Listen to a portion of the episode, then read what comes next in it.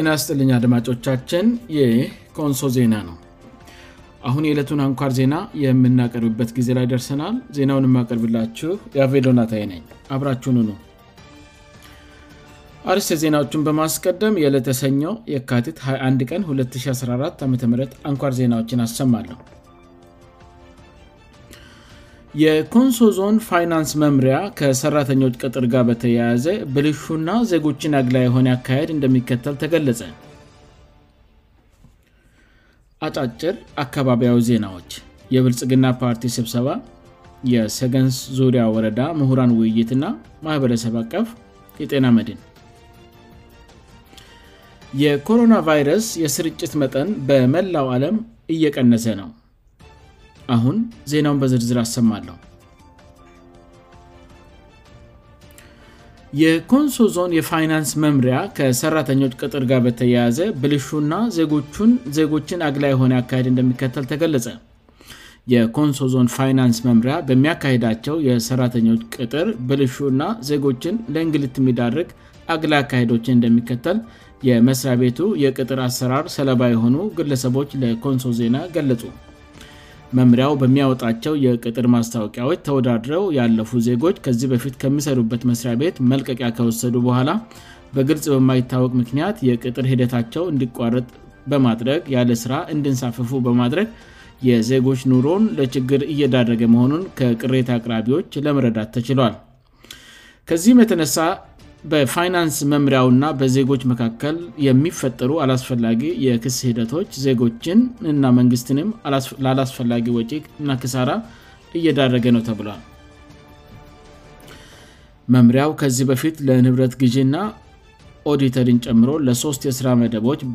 ባወጣውየቅጥር ማስታወቂያ ተወዳደው ያለፉ ዜጎች ከላይ የተገለጸው አይነት እጣፈንታ ገጥሟቸዋል በንብረት ጊዢ የስራ መደብ የተወዳደረ አንድ ሰው ብቸኛ ተወዳዳሪ የነበረ እና የቅጥር መስፈርቱንም ያሟላ ቢሆንም የመጨረሻው በመዘኛ የነበረውን ፈተና ከወሰደ በኋላ መምሪያው የፈተና ውጥቱን ማሳወቅ ባለመፈለጉና በማፈኑ የስራ መደቡ የንብረት ግዢ ከመሆኑ ጋር ተያይዘው ገና ከጀምሩ ነገሮችን ግልጽ የማያደርጉና የሚያፍኑ ከሆነ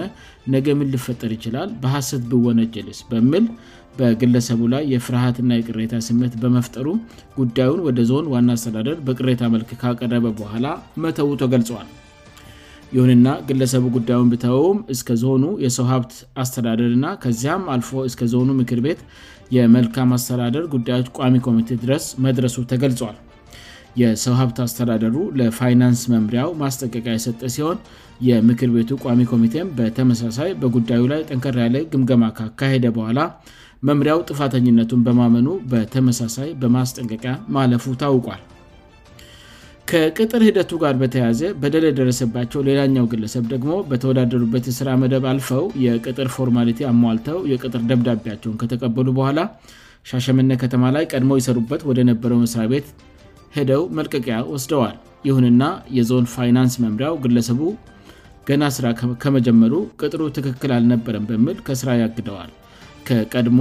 ስራው የለቀቀው ና በመምሪያ ውሳኔ የተደናገጠው ሰራተኛም የጉዳዩን አቤቱታ ወደ ዞን ዋና አስተራደር ጽህፈት ቤት ማስገባቱ ተገልጿል ከላይ የተገለጹት ተወዳዮች ጋር በተመሳሳይ በሌላ የስራ መደብ ተወዳድራ ለችግር የተጋለጠችው የሁለት ልጆች እናት ስትሆን በዞን ፋይናንስ መምሪያ ተወዳድራ ማለፋን ካረጋገጠች በኋላ ከሚሰራበት የካረዙዲያ ወረዳ ፋይናንስ ጽህፈት ቤት መልቀቋ ተገልጿል ይሁንና የቅጥር ፎርሙን በመሙላት ላይ ሳለች ከቀድሞ መስሪያ ቤትሽ ክሊራንስ አላቀረብችም በሚል ሰበብ የቅጥር ሂደቱ እንዲቋረጥ በመደረጉ ለስራ ማጣትና ለከፍተኛ እንግሊት ተዳርጋለች ከደረሰባት በደል ጋር በተያያዘም በየደረጃው ላሉ የዞን መስሪያ ቤቶች ቅሬታዋን ያቀረበች ቢሆንም መፍትሄ ሊገኝ ባለመቻሉ ጉዳዩን ወደ ደቡብ ክልል አስተዳድራዊ ፍርድ ቤት በመውሰዷ ከዞን ፋይናንስ መምሪያ ጋር የገባችበት እሰት አገባ ለነጌ ማክሰኛው የከትት ሃ2ለት 214 ዓም ለውሳኔ መቀጠሩን የመረጃ ምንጮቻችን አረጋግጠዋል በጉዳዩ ላይ የዞን መምሪያው ኃላፊዎች ምላሻቸውን እንዲሰጡን በተደጋጋሚ ያደረግነው ሙከራ አልተሳካም ምላሽ ለመስጠት ፈቃደኛ ከሆኑ ሌላ ጊዜ ልንመለስበት እንችላለን የኮንሶ ዞን ፋይናንስ መምሪያ በተለይም ከለውጡ በፊት በነበረው ጊዜ የህዝቡን ሀብት ያለግባብ ያባክናል የሚሉ ብዙ ቅሬታዎች ሲቀርቡበት የነበረ መስሪያቤት መሆኑ ይታወቃል እንደ አንዳንድ አስተያየ ሰዎች ከሆነ በሰራተኞች ቅጥር ትክክለኛና ግልጽ አሰራር የማይከተሉት ምናልባትም የመስሪያ ቤቱን ገመና የሚያወጣ ሰው ወደ መስሪያ ቤቱ እንዳይገባ ስለሚፈሩ ነው ይህ መስሪያ ቤት ከዞኑ የበላይ አካላት ከፍተኛ ትኩረት የሚሻ ነው ይህ ከንሶ ዜና ነው አድማጮቻችን ከዚ ቀጥለው አጫጭር አካባቢያዊ ዜናዎችን አቀርባለሁ የብልጽግና ፓርቲ ስብሰባ የሰገንዙዳ ወረዳ ምሁራን ውይይትና ማህበረሰብ አቀፍ የጤና ምድን ይሰኛሉ ሰጉዳዮቹ በኮንሶ ዞን የሚገኙ የወረዳዎችና የከተማ አስተዳደሮች የመንግሥት ሠራተኛዎች አንደኛ ዓመት የብልጽግና ፓርቲ ኮንፍረንስ ላይ በመሳተፍ ላይ ናቸው ተብለል በኮንፍረንሱ ፓርቲው በአጭር ሥራ ዘመን ዕድሜው ያስመዘገባቸው ለውጦች ለተሳታፊዎች መቅረቡን የዞን መንግስት ኮሚኒኬሽን በገጽ በኩል አስታውቋል ከተሰሩ ስራዎች መካከል በህዳሴ ግድብ ስኬት የአረንጓዴ አሳራ ችግኝ ተከላ በኩታ ገጠም ዘደ እርሻን ማረስና የገር ለዋላውነት ከጥቃት መከላከል ተጠቃሽ ሆነዋል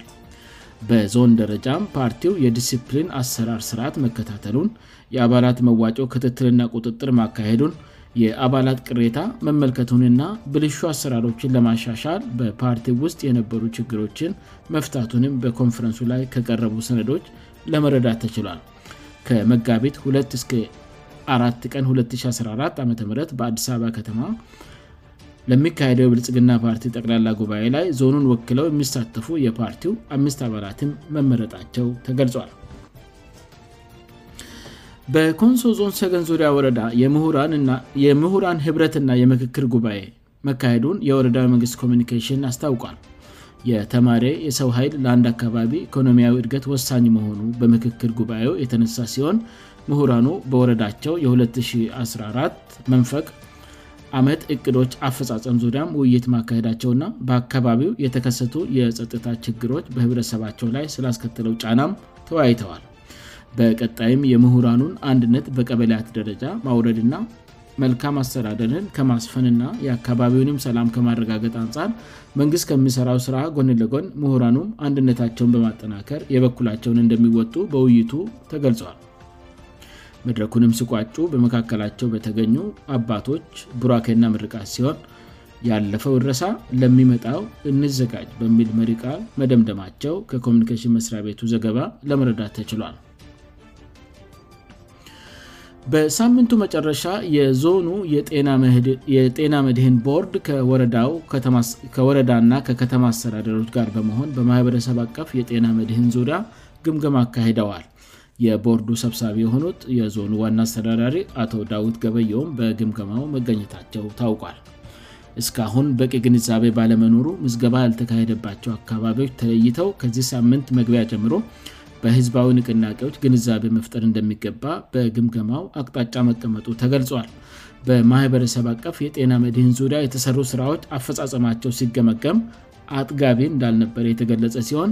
ይህም የአፈፃፀሙ ውድቀት የመጣው ይህ የጤና ዘርፍ በቂ ትኩረስ ስላልተሰጠው ነው ተብሏል አመራሩ በኃላፍነትእና በባለቤትነት ስነት ልስራ እንደሚገባም ተገልጿል በዞን ደረጃ 4 አባወራዎች የማኅበረሰብ አቀፍ የጤና ምድህን አባል ለማድረግ ታቅደው እስካሁን 25 ብቻ ወይም 10 አባወራዎች ብቻ መመዝገብ መቻሉን በግምገማው ታውቋል አንዳንድ አካባቢዎች በሃይማኖት ሽፋን ስለ ማኅበረሰብ አቀፍ የጤና ምድህን የተዛባ አመለካከት የሚያሰራጩ ሰዎች መስተዋላቸውም ተገልጿል መንግስት አስፈላጊውን የማስተካከያ እርምጃ ይወስዳልም ተብሏል ይኮንሶ ዜና ነው የኮሮና ቫይረስ የስርጭት መጠን በመላው አለም እየቀነሰ ነው በመላው አለም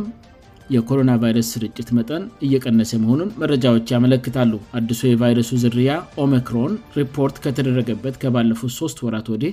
ሳሚንታዊ የሞት ምጣው በ16 በመ ሪፖርት የሚደረጉ ኬዞች ቁጥር ደግሞ በ15 በመቶ መቀነሱ ተሰምቷል ሆኖም በስያ የስርጭት ምጣነው እምብዛም ቅናሽ አላሳየም ይልቁንም የ4ራ በመ ጭማሪ አሳይቷል ተብሏል የሞት ምጣነው ደግሞ በ09 ብቻ ነው ዝቅ ያለው ደቡብ ኮሪያ ኢንዶኔያ ቪየትናም እና ሆንግ ኮንግ አዳድስ ዕለታዊ የተጠቂዎች ቁጥር ረከርዶችን እያስመዘገቡ ነው ተብሏል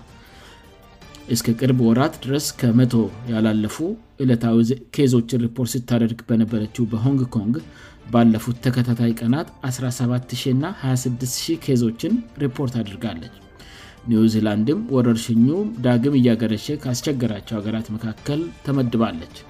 የኮሮናቫይረስ ወረርሽኝ 224 ሀገራትንእና ግዛቶችን ማዳረሱ ይታወቃል ይህ ዜና እስከተጠናቀረበት ጊዜ ድረስ በጠቅላላው 436ሚ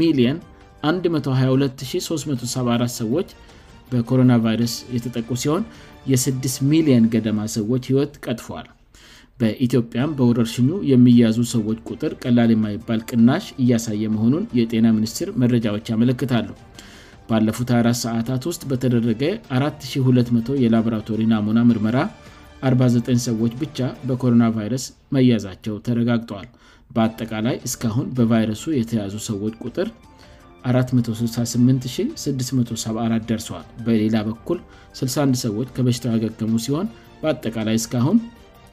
4674 ሰዎች ከበሽታው አገግመዋል ይ ኮንሶ ዜና ነው አድማጮቻችን ዜናውን ከማብቃት በፊት አርስ ዜናዎቹን በድጋሚ አሰማለሁ የኮንሶ ዞን ፋይናንስ መምሪያ ከሰራተኞች ቅጥር ጋር በተያያዘ ብልሹና ዜጎችን አግላ የሆነ አካሄድ እንደሚከተል ተገለጸ አጫጭር አካባቢያዊ ዜናዎች የብልጽግና ፓርቲ ስብሰባ የሰገን ዙሪያ ወረዳ ምሁራን ውይይትና ማኅበረሰብ አቀፍ የጤና መድን የኮሮናቫይረስ የስርጭት መጠን በመላው ዓለም እየቀነሰ ነው ዜናው በዚያ በቃ አድማጮቻችን የዕለቱ አንኳር ዜናዎቻችን ይህን ይመስሉ ነበር ስላዳመጣችውን እናመሰግናለን ኮንሶ ዜና በቀጣይም በተመሳሳይ ሰዓት እንደሚጠብቁ ተስፋ ያድርጋል